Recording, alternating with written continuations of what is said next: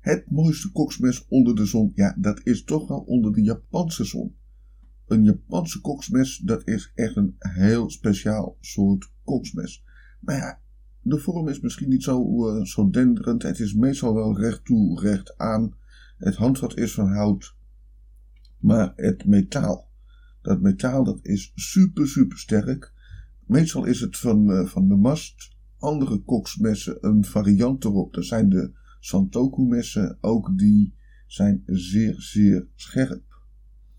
Heb je een, uh, een voorliefde voor in de keuken te staan, of het nu uh, amateur voor thuis is of professioneel in een vijfsterren restaurant, het maakt geen donder uit. Sorry dat ik het zeg, maar het is zo onwijs goed mes.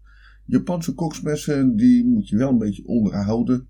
Nou, voordat je gaat snijden, dan is het aanraadbaar om ze altijd heel eventjes aan te zetten via een aanzetstaal, zodat je ze niet hoeft te slijpen met een slijpsteen. Dus aanzetten met een aanzetstaal is niet hetzelfde als slijpen. Probeer ook niet Japan, je Japanse koksmes in een vaatwasser te gooien. Het maakt niet uit wat de, wat de fabrikant zegt. Gewoon niet doen. Het is echt zonde, want je, je handvat gaat toch los uh, van je lemet. Er komt vuil in. Zonde, zonde, zonde. Want het is een supermooi mes. Uh, het is ook niet de goedkoopste. Het gaat wel een leven lang mee.